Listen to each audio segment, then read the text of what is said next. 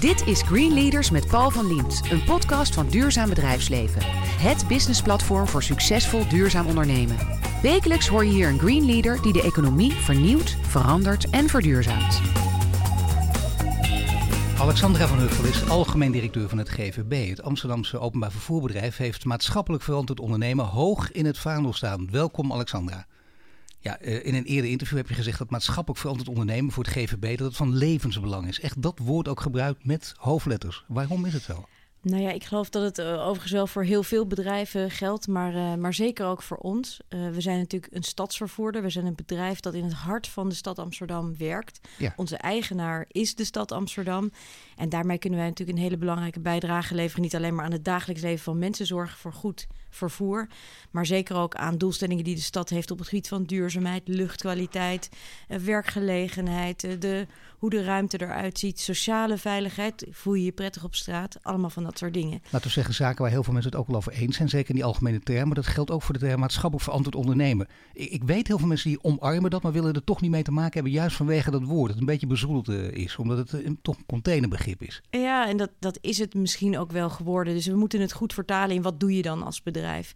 Um, en duurzaamheid kan ook soms een hele brede term zijn. En het klinkt uh, inderdaad tegenwoordig heel mooi. Ja. Toen ik ooit begon te werken bij het ministerie van VROM aan het onderwerp CO2-reductie, vond iedereen dat nog maar een heel vaag en, uh, en onduidelijk uh, Oh, dat is wel leuk om dat te zeggen trouwens. Is, ja, dat is vaak weer vergeten. Nee, dat is waar ook. Hè? Ja. Toen, wat moet je ermee? Geiten, geiten wollen sokken. En nu bijna iedereen begrijpt dat we niet meer zonder kunnen. Ja, en het is ook, ook, ook in de politiek een veel meer gedragen onderwerp geworden. Um, maar goed, daarom is het zo belangrijk dat je niet alleen maar hebt over wij zijn maatschappelijk verantwoord, maar het vertaalt in wat doe je dan concreet. Ja. Nou ja, en dat, dat is bij ons op het gebied van natuurlijk van luchtkwaliteit, op het gebied van werkgelegenheid, energiebesparing, groene stroom. Nou dat nou ja, je zou bijna zeggen sowieso openbaar vervoer. Dat is natuurlijk een alternatief, een mogelijk alternatief voor de auto. Maar je kunt zeggen, wat doe je dus zelf? Je kunt zelf een aantal dingen doen, maar wat doe je dan precies? Wat voor stappen kun je zetten? Nou ja, wij, wij zijn inderdaad het openbaar vervoerbedrijf dat het mogelijk maakt dat mensen ervoor kiezen om op een duurzame manier uh, zich te verplaatsen door de stad. Uh, dat is al een belangrijke factor. En zorgen ja. dat dat ook steeds beter wordt en steeds beter aansluit op de behoeften van de stad is een belangrijke factor. Behoef, behoeften van onze reizigers. Ja. Zorgen dat het comfortabel is, snel, goed aangesloten enzovoort enzovoort. En zeker ook voor de stad die zich steeds meer aan het ontwikkelen is. Uh, Amsterdam groeit als kool, er komen allemaal nieuwe woonwijken bij. en dat betekent ook dat we opnieuw moeten blijven investeren in nieuwe infrastructuur. En dan heb je met name in Amsterdam en de hele land, het hele land heeft ervan mogen meegenieten. Uh, ik zou bijna zeggen het drama Noord-Zuidlijn meegemaakt. En na verloop van tijd hebben weinig mensen er meer over dat het zo lang geduurd heeft. Dat doen wij nog even in dit soort gesprekken. Of in reconstructies komt het naar voren. Maar betekent het wel dat je er rekening mee moet houden dat al dit soort projecten zoveel jaren gaan duren met overschrijdingen? Ja, absoluut. En, uh, en nou, dat overschrijding, dat, dat, dat hoop ik vooral niet. Nee, toch? Maar wat, het, uh, wat, wat de kern is, is natuurlijk dat je dat infrastructuur aanleggen kost inderdaad veel tijd. Uh, omdat het grote projecten zijn en zeker wanneer je dat in, in een bestaande stad doet, ja, dan moet je natuurlijk ook rekening houden met alles wat er in die stad gebeurt. Dus het aanleggen van een nieuwe metroverbinding of een nieuwe tramverbinding kost inderdaad tijd. Het kost overigens ook tijd om die voertuigen te kopen. Daar hebben alle openbaar ja. vervoerpartijen mee te maken. Als we vandaag bedenken dat ja. we een nieuwe tram nodig hebben, dan duurt het toch nog wel een jaar of drie, vier soms vijf voordat hij er ook echt is. Ja. Uh, dus ja, je moet daar goed op de lange termijn uh, uh, nadenken. En dat, um, en dat is iets wat we samen met de stad en met de vervoerregio natuurlijk steeds willen doen. Achteraf, nu, nu het eenmaal rijdt, bent u blij met die Noord-Zuid-lijn? Enorm, enorm. Waarom? En, en nou ja, niet in de laatste plaats omdat onze reizigers er zo blij mee zijn. Hè. We hebben dagen waarop we al 120.000 mensen per dag vervoeren. Uh, de waardering is een, uh, een 8,5 um, en dat is natuurlijk een fantastisch cijfer. Zit u er zelf wel eens in? Uh, ja, heel, heel vaak zelfs. En ik ben nu ook ja. uh, rondleidingen aan het geven uh, door de Noord-Zuidlijn. Dit weekend ook weer. Um, dat doe ik om geld in te zamelen voor Alp du 6 in het kader van kankeronderzoek. En de aanleiding ervoor is niet zo leuk. Mijn financieel directeur is vorig jaar aan kanker overleden. Um, maar dat is een van de redenen waarom ik ook heel graag aan mensen wil laten zien hoe fantastisch het eruit ziet. En, uh, en hoe een succes het is. En uh, ja, het heeft ook net een architectuurprijs gewonnen. Hè, dus dat is natuurlijk ook alweer heel erg kan spannend. niet op, hè. Zo bijna vergeten wat voor dramatische gevechten eraan voor af zijn gegaan. En mensen die sneuvelen, ook op hoge posities. Je wil liever geen wethouder zijn die daar verantwoordelijk voor is. Nee, maar ook wel weer de, de, mensen die de, de, de, mensen die de politieke moed hebben gehad om uiteindelijk toch, toen er problemen waren met die Noord-Zuidlijn, toen de verzakkingen kwamen, toen het bleek inderdaad veel duurder te worden, de moed hebben gehad om te zeggen, maar we gaan het toch doen. Um, ja, daar moet je ook respect voor hebben. Want het gaat erom dat natuurlijk, was natuurlijk heel belangrijk. ook, althans, er zijn heel veel redenen voor die, om, om die lijn uh, tot een succes te maken en belangrijk te vinden. Maar een van de redenen is natuurlijk dat je Noord met Zuid kunt verbinden op een makkelijke manier. En iedereen van de ene naar de andere deel van de stad toe kan gaan. Ja. Denkt u met het oog op dit succes tot nu toe dat je gewoon tot meer uitbreidingen kunt eh, besluiten? Ja, het, het is heel erg nodig. En dat is voor een deel nodig dus door de groei van de stad. Hè, nieuwe woonwijken die erbij komen. Havenstad, eh, Schinkelpolder, uh, rondom Diemen. Maar niet alleen de stad Amsterdam, ook in de regio wordt er heel veel bijgebouwd in de komende tijd. Um, en dat betekent nieuwe verbindingen naar die nieuwe woonwijken toe natuurlijk. Maar kunt u een paar noemen zonder u nou op vast te pinnen? Zonder u op vast te pinnen? Net. Zonder u nou op vast te pinnen van, oh dat heeft ze toen gezegd. Maar wat zou je gewoon dus even nu, en in zo'n podcastgesprek kun je het makkelijk doen, even wat zouden er nog voor lijnen kunnen komen? Nou, we weten dat er onder discussie is, hè, doortrekken naar Schiphol, het sluiten van de kleine ring. Um, verder moeten we in de komende tijd uh, in Oost-West verbindingen gaan investeren. Dat hoeft niet noodzakelijkerwijs alleen maar te zijn, maar er is veel te doen om de stad inderdaad weer um, niet alleen maar die nieuwe gebieden aan te sluiten, maar zeker ook te zorgen dat de druk op het huidige netwerk uh, ook verlicht wordt. Want uh, nou ja, met die extra reizigers, hè, die 120.000 reizigers in de Noord-Zuidlijn, ja. moeten we bijvoorbeeld nu ook alvast gaan nadenken over moeten we de frequentie daar niet gaan verhogen. En gaat dat gebeuren? Ik hoop het wel. Ja. En wat is dat? Uh, van wat naar wat gaat die dan, die frequentie? Nou, hij rijdt nu 10 keer per uur en de eerste stap zou dan zijn naar 12 keer per uur. Um, dat is iets waar we, waar, wat al vanaf het begin de bedoeling was. Um, dus we hopen dat die frequentie er ook uh, nou, op afzienbare termijn die verhoging er ook kan Maar op een gegeven moment hoopt u dus dat er nog meer lijnen komen. En dan is het aardige dat, uh, kijk, u oogt en u klinkt nog heel jong, maar u, u loopt al een tijdje mee. Hè? U zei het zelf ook in de begintijd dat er over duurzaamheid werd gesproken. Daar werd meewarig over gedaan. Dat is geheel veranderd ook als het gaat over het openbaar vervoer, wordt er nu ook veel positiever naar gekeken, denk u? Ja, gelukkig wel. En dat vind ik ook wel terecht. Niet in de laatste plaats als je. Ik ben lid van de internationale brancheorganisatie. En als je ons vergelijkt met, uh, met landen om ons heen, dan doet Nederland het natuurlijk heel goed. Niet alleen maar hebben we een prachtige infrastructuur. Maar we hebben zoiets als die OV-chipkaart waar je mee overal kan reizen. We hebben goede reisplanners die uh, voor heel Nederland aangeven waar en uh, wanneer je um, moet reizen om van A naar B te komen. Dus ik denk dat we het ook heel erg goed doen. En er is natuurlijk nog veel te verbeteren ook, uh, ook bij ons. Maar noem eens wat. Ehm, maar het is wel, nou ja, we weten bijvoorbeeld dat we in de komende tijd dat, dat investeren, hè, dat is relevant. Niet alleen in Amsterdam, dat geldt eigenlijk in de hele Randstad. Samen met mijn collega's van NS en HTM en RET hebben we ook gekeken naar van wat moet dat nou zijn. Binnenkort presenteren we ook een plan samen met de zogenaamde Mobiliteitsalliantie over hoe je de bereikbaarheid en leefbaarheid van, uh, van Nederland uh, nog verder moet uh, verbeteren. Um, dus er is van alles nog te doen. Um, een van de belangrijke thema's waar we ook hier in de stad aan werken, is niet alleen maar kijken hoe we het OV nog uh, kunnen uitbreiden en, uh, en comfortabeler maken en sneller, want dat vinden onze reizigers ook heel erg belangrijk. Maar ook hoe we kunnen zorgen dat we een goede aansluiting maken op van die nieuwe ja. mobiliteitsvormen die er zijn. Dus bijvoorbeeld deelscooters, deelauto's, deel fietsen. In sommige steden ook al deelstepjes. Um, want het, uh, ja, dat worden steeds populairdere manieren om je door de stad te bewegen. En die kunnen heel ja. goed ervoor zorgen dat je juist die, zoals dat zo heet, de last mile, dus het laatste stukje tussen onze halte en je huis of waar je naartoe moet, uh, op een hele makkelijke manier ook kunt afleggen. Ja, daar wil ik het uh, met u straks nog uitgebreid over hebben. Maar eerst nog even over de obstakels die je moet overwinnen. U had het over de OV-chipkaart, dat ging ook niet vanzelf. Uh, overschrijdingen, mensen mopperen veel. Je moet standvastig zijn op dat soort momenten, ook als politicus. wat verwacht u nog meer voor obstakels, voor al die uitbreidingen die u voor ogen heeft? Nou ja, kijk, het, het zal niet eenvoudig zijn om de goede keuzes te maken zomaar. En daar heeft de stad natuurlijk uh, in de komende tijd, uh, ja, moet, daar, moet daarmee aan de slag. Uh, het maken van, van die beslissingen over de infrastructuur is natuurlijk één van welke lijnen zijn het dan. Nummer twee, um, wat doen we eerst, tweede en derde? Nummer drie, waar halen we het geld vandaan? Hoe zorgen we ervoor dat we een combinatie maken? vanochtend was ik op de ambtswoning en zei de wethouder Financiën ook... ja, we moeten gewoon botje bij botje gaan leggen om die infrastructuur te verbeteren... die heel erg belangrijk is ook voor de economie van de stad en van de regio. Um, dus dat zijn wel stappen die te nemen zijn. Maar wat voor projecten dan, op lange termijn kun je zetten? Want er komt natuurlijk om de zoveel tijd zijn er weer verkiezingen en dan komen er weer uh, nieuwe mensen aan het roer. En dat kan een heel andere partij zijn. Uh, dat kunnen andere mensen zijn die ook andere beslissingen gaan nemen. Kun je dan toch in zo'n uh, politieke wereld, in zo'n omgeving, toch lange termijn beslissingen nemen? Nou ja, dat, dat, kunnen we in Nederland wel. Ik noem een voorbeeld over het, het zogenaamde Deltaplan voor de waterbescherming. Ik was daar ooit mee aan het werk toen ik nog in Rotterdam wethouder was. Maar dat is ook zo'n lange termijn plan dat erover ging dat we moeten zorgen dat we droge voeten houden in Nederland. Dijken versterken, rivieren omleggen, enzovoort, enzovoort, enzovoort. En uh, daar hebben we ook een plan voor gemaakt dat we gezamenlijk hebben gemaakt met een heleboel partijen. Dus niet alleen maar politici, maar ook bedrijven, met allerlei instellingen, met met betrokkenheid ook van burgers. En dat maakt ook dat als je dat soort plannen maakt, dat ze iets minder kwetsbaar zijn voor, uh, voor de veranderingen in de politiek. Want dus dan heb je het met elkaar afgesproken. Nou, laat ik een voorbeeldje pakken. De trams en de bussen, dat, of de trams en de metro, zeggen mensen, nou dat is uh, een beetje badinerend, maar toch, hè, dat was een vrij makkelijk klusje om die duurzaam te gaan maken. Maar hoe zit het met de bussen? Hoe zit het met de ponten? Om die echt elektrisch te maken en daar ook een, eh, een echt een duidelijke termijn voor neer te zetten. Nou ja, we hebben in, hier in Amsterdam daar een mooie termijn voor. Uh, in 2025 moeten alle bussen die wij hebben duurzaam zijn. Hè, want onze trams en metro's hebben natuurlijk zelf geen uitstoot. Overigens hebben we wel een, uh, een groene stroomcontract afgesloten afgelopen jaar. We waren al heel lang op groene stroom aan het rijden, maar nog een groene stroomcontract gebaseerd op windenergie die in Nederland specifiek voor ons wordt geproduceerd. Maar die bussen die moeten we omvormen tot bussen zonder emissie. En dat kan inmiddels. Hè. Je hebt bussen die met name uh, bussen die op elektriciteit rijden. We hebben onze eerste batch, zoals dat dan heet, uh, besteld.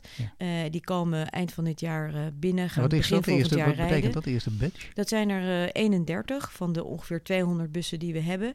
Maar we gaan langzaam stapje voor stapje. Steeds als, uh, als de bussen op zijn, dan vervangen we ze door schone bussen. En dan zijn we uiteindelijk in 2025 hebben we een helemaal duurzame vloot. Nou fijn, ik kon even tijdens het antwoord rekenen. Dat betekent dus uh, ongeveer zeven batches zijn er nodig en dan lukt het. En dan heb je dus inderdaad die termijn, ook daar kun je ook aan houden, zonder overschrijding.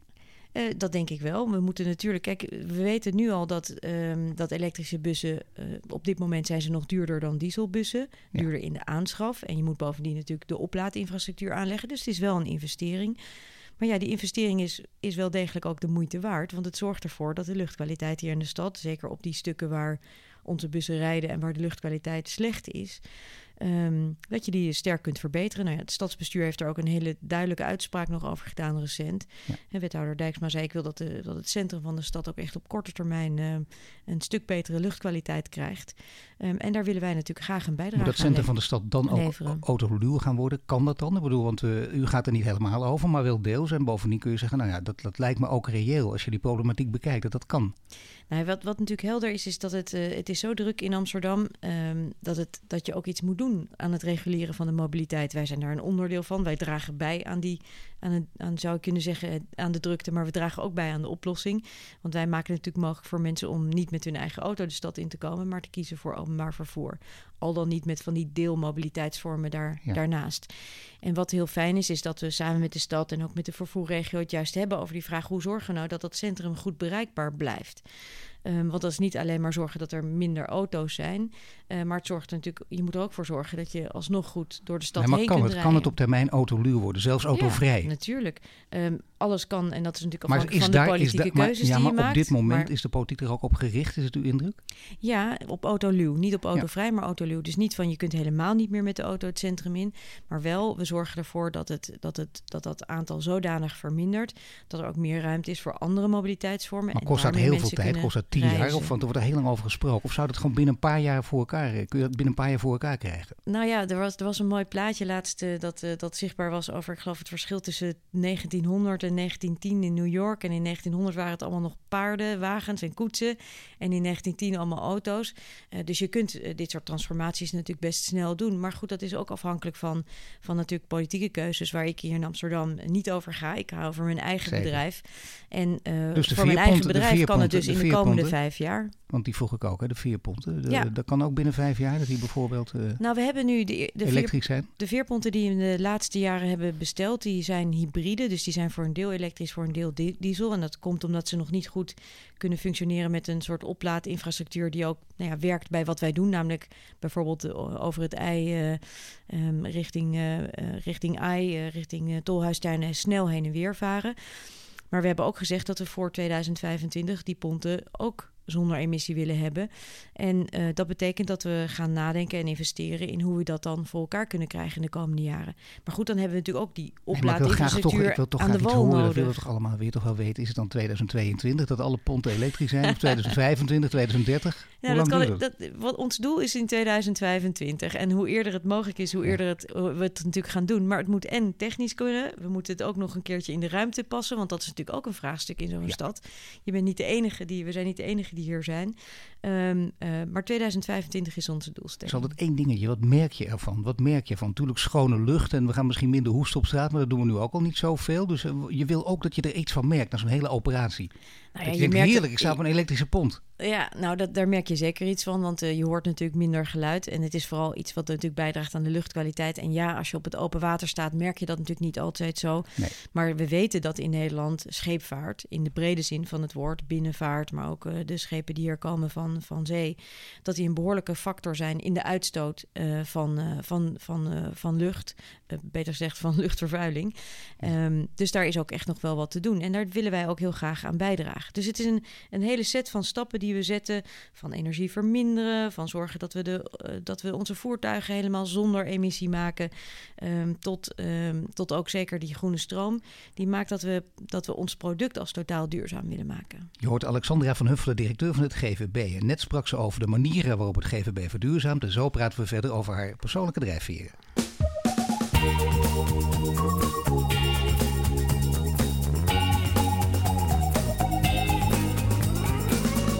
Mij in de studio Alexandra van Huffelen, directeur van het GVB. Net spraken we over de bijdrage die het GVB levert aan verduurzaming in Amsterdam. En nu praten we verder over haar achtergrond. Want eh, bijvoorbeeld uh, verduurzaming. Uh, ja, je kunt tien zijn of elf jaar en je hebt je plannen voor het leven. Je wil iets en dan ben je vijftien en weet je soms al wat je wil worden.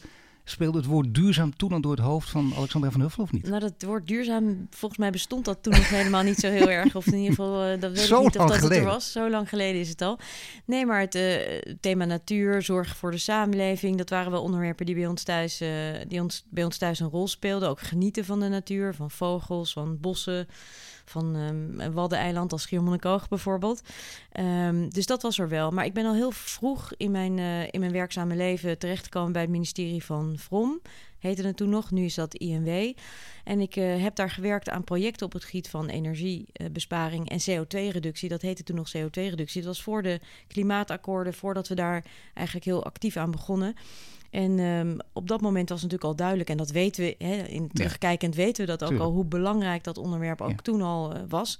Maar het was toen niet een onderwerp wat erg gedeeld werd. En um, maar het werd niet erg gedeeld in de samenleving. De industrie was er nog heel erg, nou, mm, de klassieke milieuthema's speelden wel. Ja. Zure regen, uh, dus de uitstoot van stikstof en uh, dat soort dingen. Maar, maar, veel, minder, maar, maar, veel minder CO2. Maar was maar je, was, het, was je toen op school het, het actievoerderige type? Of iemand die zich mengde in de discussie? Of uh, stil nou, meisje op de achtergrond? Uh, ik was wel lid van, het, uh, van de leerlingenraad, inderdaad. Kijk, ja. ja. zie je. Ah, kijk even. Ja, het zat ik wou zeggen, ik kan me ook niet voorstellen, heel rustig achter op de bank en niks zeggen. Nee. En, en, en toen met beroepsperspectieven, dan gebeurt het vaak dat bijvoorbeeld, ik noem maar wat, dat, dat of je ouders je, je, je kunnen grijpen door iets, of, of juist niet, hè, dat je tegenin gaat, of dat juist een, een leraar opeens zegt, dat kun jij, dat moet je worden. Is, is er zoiets gebeurd op de middelbare school al of niet? Nee, dat is meer denk ik in mijn studietijd uh, begonnen. Um, sowieso dat thema van dat het nadenken over hoe je de wereld een beetje beter kunt maken of daaraan mee, bij kunt dragen. Um, dat speelde ook wel in mijn studie een rol. Um, ik heb uh, heel veel bezig gehouden met vraagstukken die toch eigenlijk gingen over bijvoorbeeld wat de invloed is van informatisering, heette het toen nog. Je zou nu artificial intelligence zeggen op ja. de maatschappij en ook op onze democratie, hoe, je dat, hoe, je dat, hoe dat zich beïnvloedt. Um, dus maatschappelijke thema's hebben altijd wel een rol gespeeld. Uh, van duurzaamheid tot, um, tot inderdaad soort vraagstukken over de democratie. Of, uh, en toen ja. viel opeens het kwartje van ik moet de politiek in of ik moet iets op die manier gaan doen of niet? Ja, het was, het was in de tijd van Hans van Mierlo en ik, uh, en ik studeerde in, in Leiden. En ik wilde inderdaad, eigenlijk was de echte concrete aanleiding de val van de muur. Um, dat was natuurlijk in 1989, ja. het jaar waar ik ook lid ben geworden van, van D66. En ik ik vond dat al een enorm prachtig eh, moment. Ik had uh, daarvoor in het buitenland gestudeerd in Denemarken. Ik kwam terug in Nederland met een ook wat meer internationale blik. En toen was ineens dat, ja, was die muur open. En dat vond ik zo'n fantastisch fenomeen. Dat ik bedacht, ja, dit is deze wereld, eh, dit is zo mooi. We moeten hier meer mee doen. We moeten hier mee. Ik, er moet meer gebeuren om om uh, te zorgen dat die integratie met, uh, met ook de toen nog Oost-Europese landen noemen ze. Uh, nu heet het geloof ik Midden-Europa. Um, dat, we, dat we daar ook iets. dat, dat ik daar ook actief op word. En, en er zijn dat mensen, ik ook politiek actief word. Er ja. zijn altijd mensen die daar invloed op hebben. En, en toch altijd spelen ook op wat voor manier dan ook ouders een rol. Wat is de achtergrond van je ouders? Uh, nou, mijn, uh, uh, mijn ouders zijn allebei nu nog aan het werk. Mijn vader is hoogleraar in ehm, klinische neurofysiologie, dus een medicus. Heeft heel veel gedaan op het zorgen dat mensen kunnen worden genezen van epilepsie door een stukje van hun hersenen weg te nemen. Een belangrijk thema waar hij veel onderzoek op heeft gedaan en waar hij nog steeds voor aan het werk is. Um, mijn moeder heeft een beetje wisselende carrière gehad. Heeft net zoals ik bestuurskunde gestudeerd, maar geeft nu les aan inburgeraars, Nederlands aan inburgeraars, omdat zij toen ze 65 werd uh, afscheid moest nemen van haar toenmalige baan. Want dat hoorde er, ja, als je met pensioen gaat, ga je met pensioen. Hè? Uh, maar ze heeft zich laten omscholen en, um, en geeft nu uh, Nederlands. Ja. Het lijken mij ouders die, en die ook nog aan het werk zijn. Hoe oud zijn ze allebei? 75 en 77. Ja, kijk, mooi hè. Dat, dat is ook een lonken perspectief voor jouzelf om zo lang door te gaan. Nou, als je zo gezond bent uh, als zij zijn en actief, dan is dat wel heel erg leuk. Want dat GVB is gewaarschuwd, hè? Dat je midden in de maatschappij bent staan. Ja, inderdaad. Ik blijf nog even. Voor degene die ambities hebben om daar te komen. Maar het lijkt me, als je zo je ouders omschrijft, geen mensen waar je tegen wil afzetten. Of is het toch gebeurd? Gebeurt bijna in elke opvoeding. Nou ja, er is altijd een moment dat je, dat je het voor jezelf moet gaan uitzoeken. En dat was voor mij zeker toen ik ging studeren en de deur uitging en een eigen leven ging opbouwen, eigen vrienden. Eh, mijn man, of toen, toenmalige vriend, nu man, uh, heb ontmoet. Maar uh, nee, het was, het was niet een soort van ingewikkelde worsteling of zo. nee. En je man, mag ik weten wat hij doet? Uh, ja, die is notaris. Ja. Die is notaris. Ja. En, en gaat het nog heel vaak over het werk dan met z'n twee? Of is het echt, zijn het twee heel gescheiden werelden? Nee, het zijn, het zijn inderdaad heel gescheiden werelden. Maar we praten heel veel over elkaars werk. Om, om, ja, omdat het uh, onderwerpen zijn die ons beiden ook boeien. Ja. dat je gek bent op je werk natuurlijk. Want het lijkt me wel mooi om in deze tijd het, eh, het GVB te leiden. Beter en misschien makkelijker wel dan, dan 10 of 15 jaar geleden. Is dat waar of niet? Nou, ik weet niet of het makkelijker is. Het is wel een heel bijzonder bedrijf. En dat begint met het feit dat het niet alleen maar dat wat we doen, hè, dat openbaar vervoer. Maar we zijn ook een bedrijf met mensen die ontzettend betrokken zijn bij dat bedrijf. Het is echt een familie. En, um, en dat is hartverwarmend. Dat is echt uh, super, ja. Maar het is een familie, klinkt wel heel erg mooi. Hè? Er zijn ook mensen die denken, nou, ik af en toe die familie verpest. Want bij duurzaamheid hoort ook, dat is een heel breed begrip, hoort ook uh, vriendelijkheid bijvoorbeeld, denk ik. En ja. ja, dan loop je wel eens op straat, dan wil je net die tram halen. Je weet nog niet goed hoe het werkt, zeker voor toeristen is dat. En dan rijdt hij net weg op het moment dat jij er staat. Dan denk je dat het gebeurt om je te persen. En ik heb me vaak door zo'n trambestuur laten uitleggen dat het niet het geval is. Maar hoe zit het nou eigenlijk? Nou ja, dat is, dat is heel simpel. Kijk, uh, natuurlijk is gastvrijheid voor ons een groot thema. Hè. GVB staat, de G staat ook voor gastvrijheid. Uh, maar wij moeten natuurlijk zorgen dat we ook een keurige dienstregeling rijden. Want je verwacht ook dat die tram komt op het moment dat je, je op je appje staat dat die zou komen. En dat betekent dat je natuurlijk niet eindeloos op een halte kan blijven staan, wachten tot iedereen komt en dan weer enzovoort enzovoort. Ja. We proberen natuurlijk wel, en dat, dat is een beetje een, het dagelijks dilemma natuurlijk van onze bestuurders, om aan de ene kant te zorgen dat je keurig die dienstregeling haalt, dat je door de stad komt, wat soms ook ingewikkeld is, want er zijn allerlei mensen die voor je neus bewegen en er zijn kruispunten die geblokkeerd zijn enzovoort enzovoort. En toch ook te zorgen dat je af en toe nog even net die mevrouw of meneer meeneemt, die komt aanrennen. Dat laatste proberen ze ook steeds te doen, maar ook wel met het, met het oog op van, ja, we kunnen niet, niet een, eindeloos wachten. Nee, je moet. Je hoort dat hele harde rinkelende geluid en dat kan nog wel eens aankomen dat harde, ja, dat is, dat is ook wel, is voor helaas ook wel heel erg nodig. Want ja. Um, nou ja, dat, dat maken onze, zeker onze tram- en, en busbestuurders elke, eigenlijk iedere dag meerdere keren mee. Is dat er iemand ineens voor je neus, voor je neus langs fietst. Uh, hè, Amsterdammers houden niet zo heel erg van regels als het om fietsen gaat in ieder geval. Uh, of er steken mensen over of wat dan ook. En dat betekent ook wel dat we goed moeten waarschuwen. En gelukkig werkt het wel hoor, want het aantal incidenten is in de afgelopen tijd gelukkig wel afgenomen. Ondanks het feit dat het steeds drukker wordt in de stad. Want dat merken natuurlijk onze bestuurders ook. In deze, deze reeks van uh, deze podcast uh, van Duurzaam Bedrijfsleven over Green Leaders zijn we op zoek naar groene leiders. Dus wat, wat is dat, duurzaam leiden? Hè? Ik bedoel, dat, dat is bijna een soort nieuw begrip geworden, althans een combinatie van beide. Duurzaam leiderschap, hoe definieer je dat?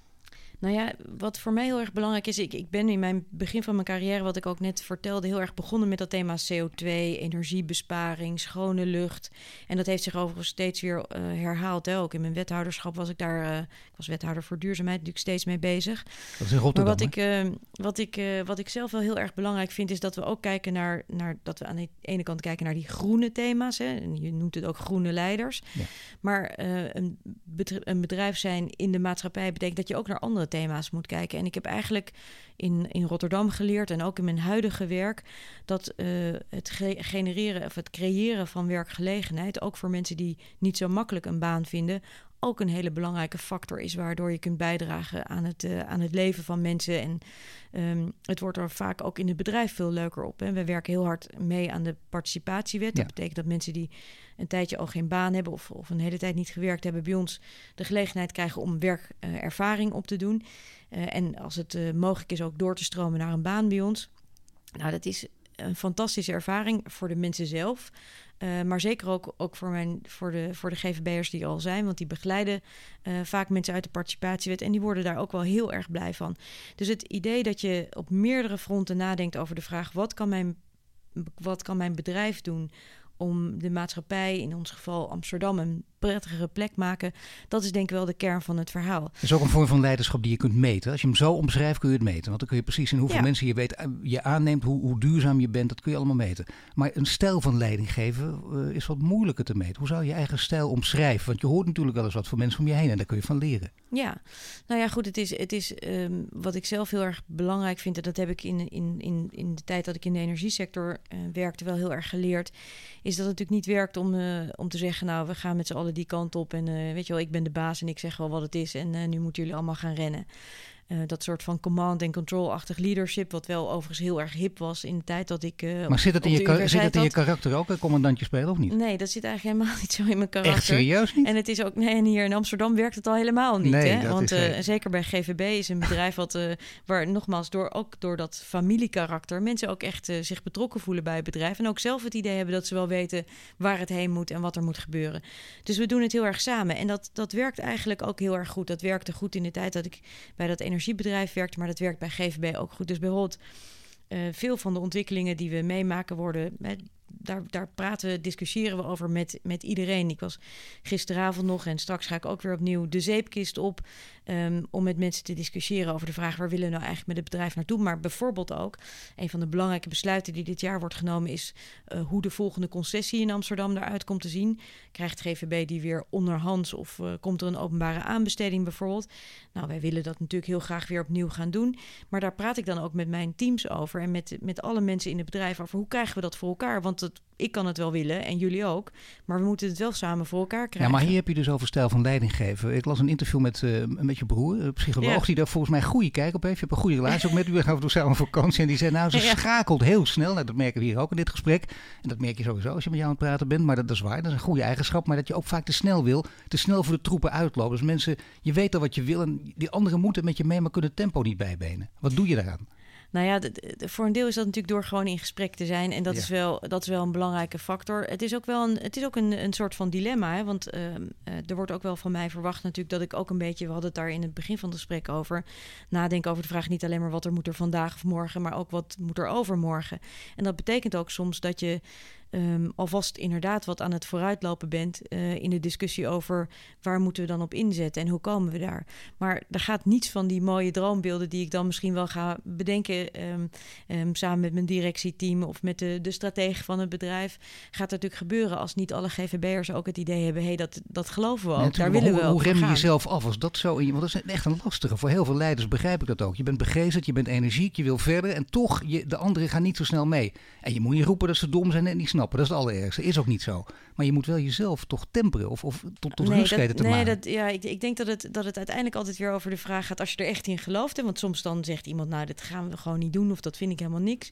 Dat betekent ook dat je er weer opnieuw over moet nadenken. Was het inderdaad wel zo'n briljant idee uh, wat ik had? Of uh, is het dat ook wel?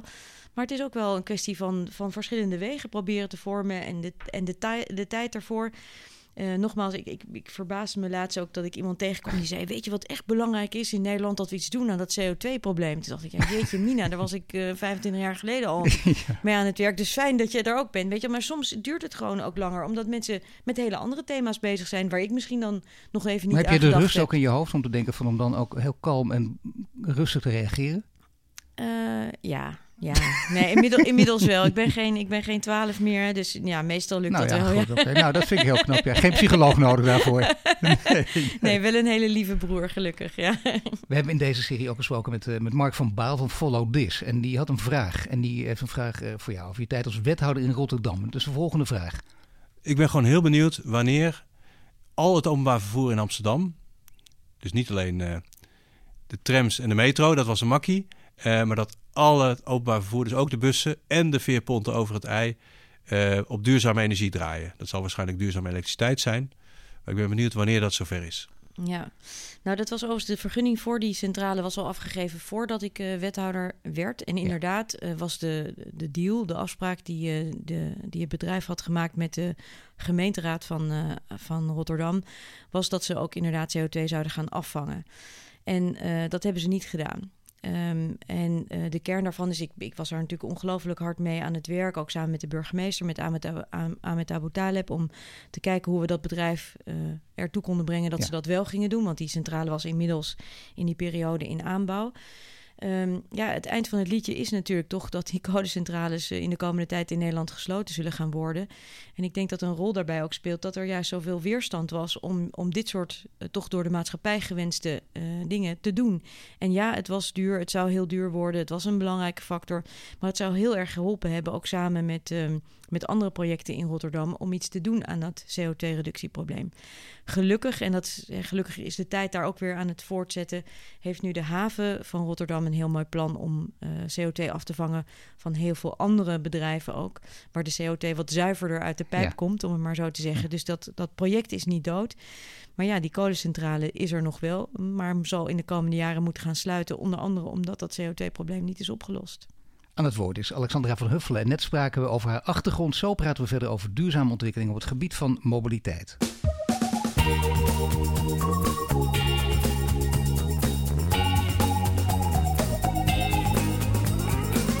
Bij mij de studio Alexandra van Huffelen, directeur van het GVB. Net spraken we over haar persoonlijke drijfveren. Nu praten we verder over de verduurzaming van mobiliteit. Maar eerst even het klimaatakkoord. Want wat is de invloed, wat is het effect van het klimaatakkoord op het GVB?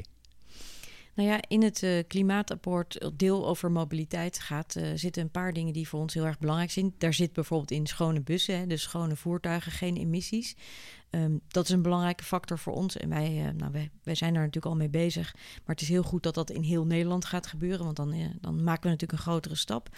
Daar zit zeker ook iets in het, in het uh, klimaatakkoord over het schoon opwekken van elektriciteit. Natuurlijk ook voor ons belangrijk. We zijn een groot stroomverbruiker. Hè? Ongeveer het equivalent van 55.000 huishoudens. Ja, vanwege de metro en de, en de tram. Die natuurlijk bij elkaar veel, veel energie gebruiken. En straks met die bussen erbij natuurlijk nog wat meer. Um, dat zit erin. Uh, er zit ook iets in van um, wat ook niet onbelangrijk is, namelijk dat we in de ruimtelijke ordening in Nederland gaan nadenken. Dus bijvoorbeeld in een stad gaan nadenken over de vraag: hoe zorgen we nou voor dat we de schone vormen van mobiliteit meer ruimte geven ja. dan de vervuilende vormen van mobiliteit? Nou, er zit nog veel meer in, maar dit zijn wel belangrijke elementen in maar dat zat je zelf ook uh, aan die klimaattafels of aan Ja. een van die tafels? Ik hoor Ja. van meerdere mensen die eraan gezeten hebben, die zeggen: Nou, eh, wees blij, eh, Paul, dat jij er niet zat. Het was heel saai. Het was echt heel saai om aan die tafels te zitten. Het was echt Oh, doorbijten. Het kon ook niet anders. Nee, bij ons was het helemaal niet saai, want we zaten met een enorme brede ja, waaier aan partijen die allemaal actief zijn in de mobiliteiten. Van de RAI tot de ANWB tot de binnens, binnenvaart, eh, de, de vrachtvervoerders, eh, mensen vanuit het openbaar vervoer, gemeentes, provincies. Nou, een hele, hele brede set van mensen die allemaal aan het nadenken waren, zijn met elkaar. We hebben het grootste deel van de discussies natuurlijk al gehad over die vraag van hoe zorgen dat die mobiliteit verduurzaamt. Ja. En tegelijkertijd we ook zorgen dat, dat Nederland in beweging blijft. Maar hoe kan het als je aan die tafels hebt gezeten met al die, al die interessante, leuke, energieke mensen die, die met heel veel ideeën komen? Daar kan ik me iets bij voorstellen.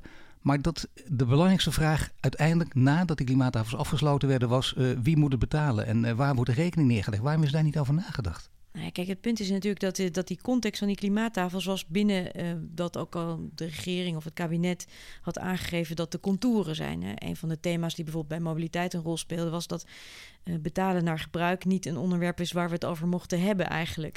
Terwijl we weten dat eh, als het gaat over dat onderwerp, eh, dat de beste manier is om mensen te stimuleren gebruiker te maken van schonere vormen van mobiliteit.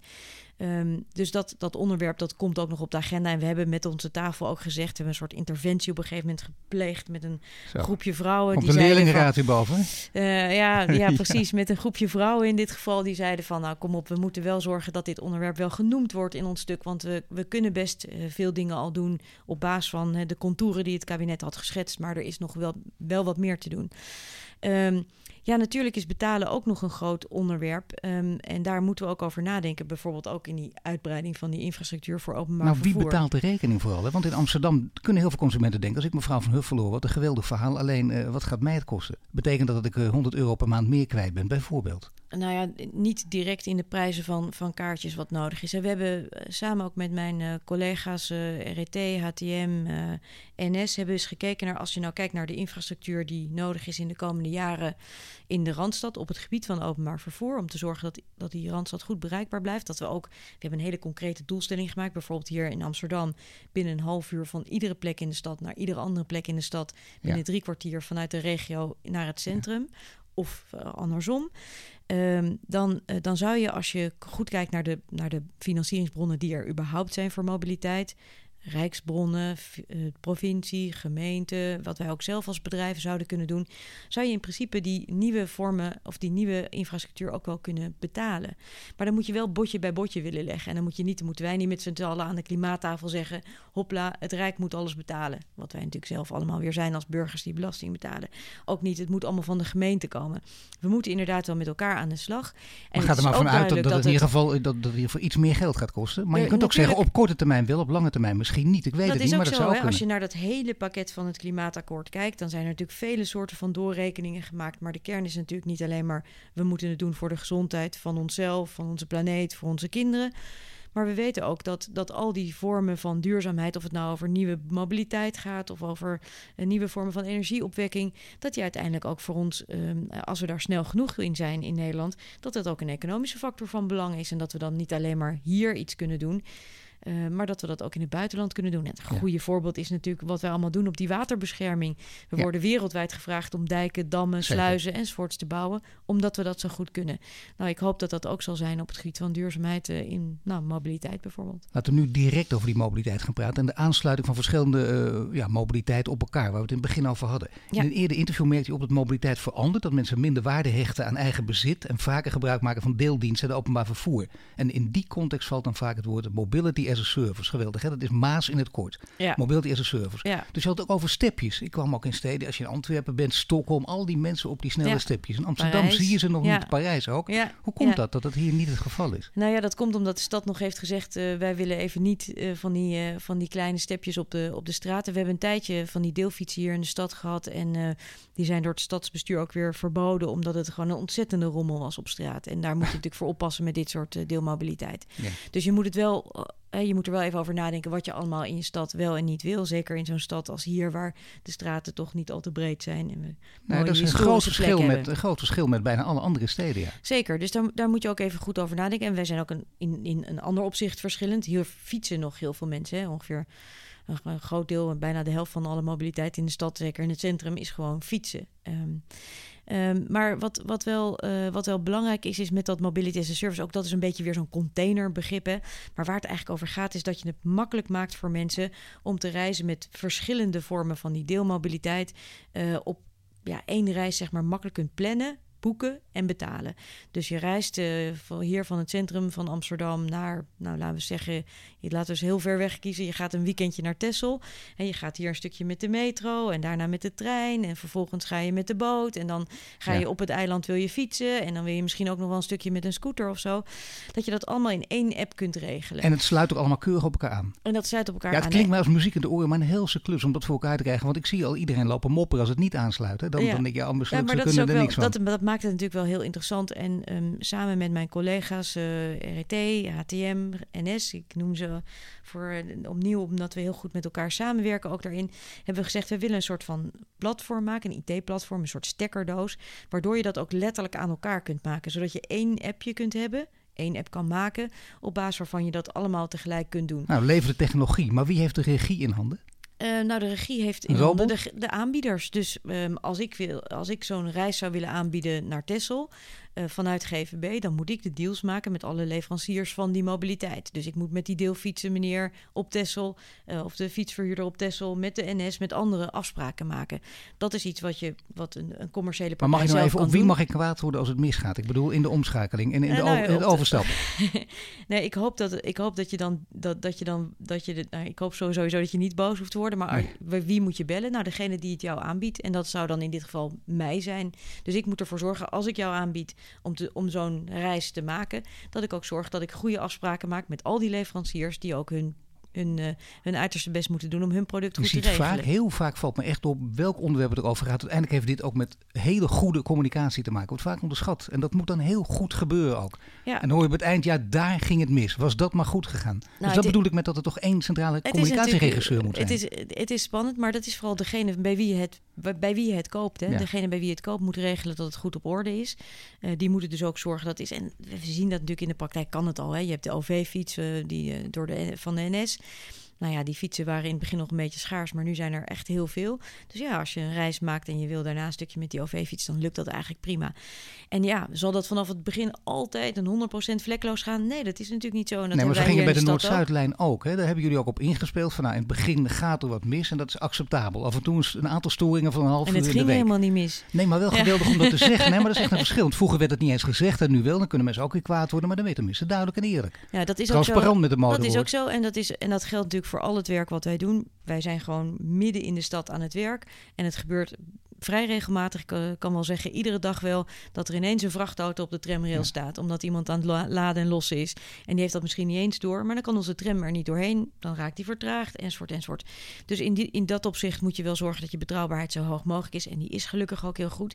Maar 100% zal het nooit zijn, want we, nou ja, we leven met elkaar in een drukke stad. Maar je wil wel voorbeeldsteden hebben. We noemden net al een paar hè, als het om die Ja. stepjes gaat. Maar voorbeeldsteden waar, het, eh, waar dat maas gaat werken. Dus waar die mobiliteit keurig op elkaar is, eh, is, is aangepast. Nou ja, ik hoop dat Amsterdam daar eentje van wordt. We, we zien een paar steden. En, en wat mijn punt eigenlijk ook is, is vooral dat het niet alleen maar in Amsterdam is. Want Maas wordt alleen maar Nee, aantrekkelijk als je het ook gewoon in heel Nederland kan gebruiken. Hè, De OV-chipkaart is zo fijn omdat je daarmee in Ja. iedere bus en tram in Nederland, in metro, eh, terecht kunt. Ehm, eh, dus we willen ook graag, en dat is een beetje anders dan in andere steden, want er zijn wel steden waar Maas-oplossingen zijn in de wereld, in Wenen, in Kopenhagen, maar dan is maar die ene stad. Maar in Nederland reizen we vaak buiten de stad ook. En, ehm, en dan is het fijn dat je daarmee ook, ook met dat ene appje ook door heel Nederland kan reizen. Dus dat is iets wat, we, wat wij eh, hopelijk eh, ehm, snel kunnen gaan lanceren. Beginnen in Amsterdam en uitspreiden over heel nee, het is niet Nederland. beginnen in Amsterdam. We beginnen al met z'n allen. Dus we beginnen met Rotterdam, Den Haag en de NS. Eh, dus we beginnen al voor, eh, voor een heel groot deel van Nederland. En we hopen dat zoveel mogelijk partijen eh, snel aanhaken en dat platform ook zullen gaan Voor het hele land. Maar leuk als je bij steden weer Kopenhagen noemt. Jezelf, je kent die stad natuurlijk heel goed. Als je er Ja. gewoond hebt en gewerkt, ook of gestudeerd. Maar het verschil, ik, ik zie ook dat Kopenhagen in deze serie heel vaak wordt genoemd. De- Denemarken, maar vooral Kopenhagen. Ja, Leven de duurzaamheid als het over Kopenhagen gaat. En de mensen gaan zich allemaal bij neer te leggen. Klinkt veel te negatief. Eh, Zijn er zelfs heel positief over. Hoe komt dat? Waarom we zo positief over Kopenhagen zijn. Nou ja, en dat Kopenhagen, dat blijkbaar de Denen daar het, ook heel prettig vinden. Of niet erg vinden dat die stad eh, een half jaar bijvoorbeeld open ligt. Want ze weten wat er daarna gaat komen. Nou, ik heb niet in Kopenhagen gewoond, maar in de steden, tweede stad van Denemarken, Aarhus. Ehm, maar mensen zijn niet anders, eh, ook daar eh, ten opzichte van hier. Ook daar is het irritant. Wat wel helpt natuurlijk, is dat Kopenhagen een iets ruimere stad is eh, dan Amsterdam bijvoorbeeld. Hè. Het Ja. lijkt in, dit, in dat opzicht net iets meer op bijvoorbeeld Rotterdam. Maar ook daar wordt wel geklaagd voor als een straat open ligt enzovoort enzovoort. Dus het is denk ik niet, het is niet zo dat dat niet, nee, dat is eigenlijk een beetje een we- wereldwijd fenomeen. Als je dacht dat je erdoor kon en je kan er niet door, is dat vervelend. Nee, maar het is niet een voorloper, we- bedoel ik. Kopenhagen of Aarhus misschien. Maar in ieder geval Denemarken is geen voorloper als het over dit soort projecten gaat. Het is wel een voorloper als het gaat over grote investeringen, recente grote investeringen in mobiliteit. En eh, dat, dat varieert van, van dingen als bijvoorbeeld gescheiden stroken voor, voor fietsers en dan hele brede stroken voor fietsers. Dus het scheiden van verkeersstromen, wat heel erg helpt voor de doorstroming. Eh, grote investeringen in, eh, in openbaar vervoer, een nieuwe metrolijn die daar wordt aangelegd, grote ringlijn. Eh, maar dat is Parijs bijvoorbeeld ook. Parijs legt nu een soort periferiek aan van een metro. En dat is een fantastisch project, Projet Grand Paris heet het, wat er ook voor zorgt samen overigens met een tramnetwerk, dat die stad weer opnieuw ehm, eh, de buitenwijken verbindt met, uh, met, met Parijs en met het centrum daarvan. Dus ja, ik denk dat er meerdere steden zijn die in dat opzicht een voorbeeld kunnen zijn. En wordt daar nooit geklaagd? Oh, er wordt voortdurend geklaagd. Maar dat wil niet zeggen dat je het ook niet moet doen. Het wil ook niet zeggen dat je heel erg goed moet communiceren en ook eerlijk moet zijn over, ja jongens, uh, als we zo'n project gaan aanpakken, dan betekent dat ook een paar jaar overlast. En dan betekent het ook dat, het, uh, dat je af en toe uh, een andere route moet nemen. En betekent het ook dat je anders naar je concurrenten gaat kijken, naar de andere vervoersaanbieders? Want er zal meer samenwerking geboden zijn als je wil dat alles goed op elkaar aansluit. Wordt dat een andere verhouding? Nou ja, die verhoudingen zijn wat mij betreft ook al heel goed. En het gebeurt gelukkig ook heel veel dat zeker ook deelaanbieders uh, bij ons uh, uh, zich melden om te zeggen: hey, kunnen we ook samenwerken? En dat, dat willen we dus ook heel graag. Vandaar dat we ook zo'n platform maken. Um, maar ik denk dat het sowieso, ja, als je, als je een goed product wil leveren, dan is die samenwerking essentieel. En niet alleen maar met vervoerders, maar het helpt voor ons natuurlijk ook om goed samen te werken met hotels of met musea in de stad. Um, het helpt voor ons als we zorgen dat onze kaartjes makkelijk verkrijgbaar zijn in andere, op andere, in andere steden. Um, dus ja, samenwerking is, uh, is in de mobiliteit zeker de neem. Als ik het hele verhaal bij elkaar hoor van Alexandra van Huffel, dan denk ik, nou, dat is een geweldig leuke baan. Je wil graag op dit mm -hmm. moment misschien op die plek zitten, maar daar heb je dus ook alle tijd voor nodig. En dan denk je, nou, ik kan het beste Eerste Kamer uh, senatorschap naast doen voor D66. Ja, dat Wat ga gaat ik inderdaad combineren met, uh, met GVB, ja. Hoe kan ja. dat? Vijf dagen GVB in één dag, wordt het dan zes, een zesdaagse werkweek kan, het GVB in vier bang, dagen? eh, nee, ik ben bang dat het inderdaad een zesdaagse werkweek wordt. Maar ja, dat is het nu ook al een beetje. Want eh, eh, misschien zou je kunnen zeggen dat ik wel 24-7 voor, voor GVB aan het werk ben. En, en met heel veel plezier. Ja. Als je kijkt en, en, en, vergelijkt waar dan de grote stappen op het gebied van duurzaamheid vooral gezet kunnen worden. En natuurlijk is het antwoord allemaal, dat begrijp ik, maar als je een keuze moet maken. Vooral een bedrijfsleven als het om grote stappen gaat. De overheid of de consument? ja, lastig hè? Ja, als, ik er, als er echt maar eentje... Ja, je kunt eigenlijk niet eentje noemen. Nee, dat snap ik. Het Ze is gaan samen, maar voor de grote Het is stappen. letterlijk de combinatie, de grote stappen, de overheid. Ja. Toch de overheid meer dan Ja. het bedrijfsleven? Ik denk dat de, de contouren daarvoor, voor ook die grote transformaties, inderdaad door de overheid moeten worden gezet. En zeker ook in de mobiliteit is dat een belangrijke factor. Het is ook echt het ministerie van de INW die zal moeten nadenken over de vraag waar gaan we in de komende tijd in investeren. En die de regie zal moeten vormen voor partijen die dan vervolgens natuurlijk ook hun ding moeten doen. En daar gelden, geldt natuurlijk ook het bedrijfsleven. En moet je dan zelf ook in dit hele verhaal een rolmodel zijn? Ik bedoel, moet je elke dag met afgevangen regenwater douchen? Of, of is het zo erg is het niet? Nou ja, dat, dat geldt eigenlijk in de duurzame wereld wel heel erg. Hè? En dat Toch? is, ook niet, dat is ook niet zo gek, denk ik. Hè? Want het wordt ook, uh, als je van een bierbrouwer bent, dan verwachten mensen ook dat je bier drinkt. Uh, Ja. Als je daar Ik ken er genoeg bent. die bierbrouwen die toch vooral van witte wijn houden. Ja, ja dat is heel leuk. Ja. Ja, maar, eh, maar ja, dat, natuurlijk moet het ook een beetje in je genen zitten, want anders wordt het wel, wordt het wel lastig. Dus ja, ik, eh, ik heb bijvoorbeeld geen auto. Ik doe alles met openbaar vervoer en de fiets en ik wandel graag. eh. Geen vlees dus eten. ja, ehm, eh, ja dat, zijn wel, dat zijn wel, dat zijn wel. Nee, ik ben helemaal niet heilig, dus ik, het is zeker niet zo dat ik nooit, dat ik nooit vlieg. Het is ook niet zo dat ik nooit vlees eet, maar ik ben er wel steeds meer over aan het nadenken. En wat ik wel interessant vind, is dat een beetje de discussie ook in de maatschappij daar steeds meer over, over komt. Hè? Dat, dat in tegenstelling weer tot die, al die jaren geleden dat ik begon met CO2-reductieprogramma's. Nu Ja. ineens mensen zeggen, ja, ik ga vliegen. Ja, ik vind eigenlijk dat ik eigenlijk niet moet doen. Of ik, ik eet steeds minder vlees. Het wordt wel meer een discussie, net zoiets als roken of zo, waar mensen mee bezig zijn. En, En dat is wel minder goed met nieuws. morele verontwaardiging en minder met het opgeheven vingertje dan vroeger ook? Nou ja, vroeger was je natuurlijk een aperte geitenwolle sok als je nadacht over, over duurzaamheid of Ja. over energiebesparing. Ehm, en dat is nu veel meer een thema geworden waar veel meer mensen zich druk over maken. Wat nog wel belangrijk is, is natuurlijk ook dat we niet alleen maar eh, dat we het inderdaad niet alleen met de mond beleiden, maar dat we het met z'n allen ook doen. Hartelijk dank, Alexandra van Huffelen. Je luisterde naar de Green Leaders podcast van Duurzaam Bedrijfsleven. Volgende week zijn we terug met een nieuwe Green Leader. Dit was de Green Leaders podcast voor deze week. Volg onze website voor meer nieuws over succesvol duurzaam ondernemen. Wil je meer afleveringen luisteren? Abonneer je dan nu via iTunes of Spotify en krijg een melding wanneer er een nieuwe podcast online staat.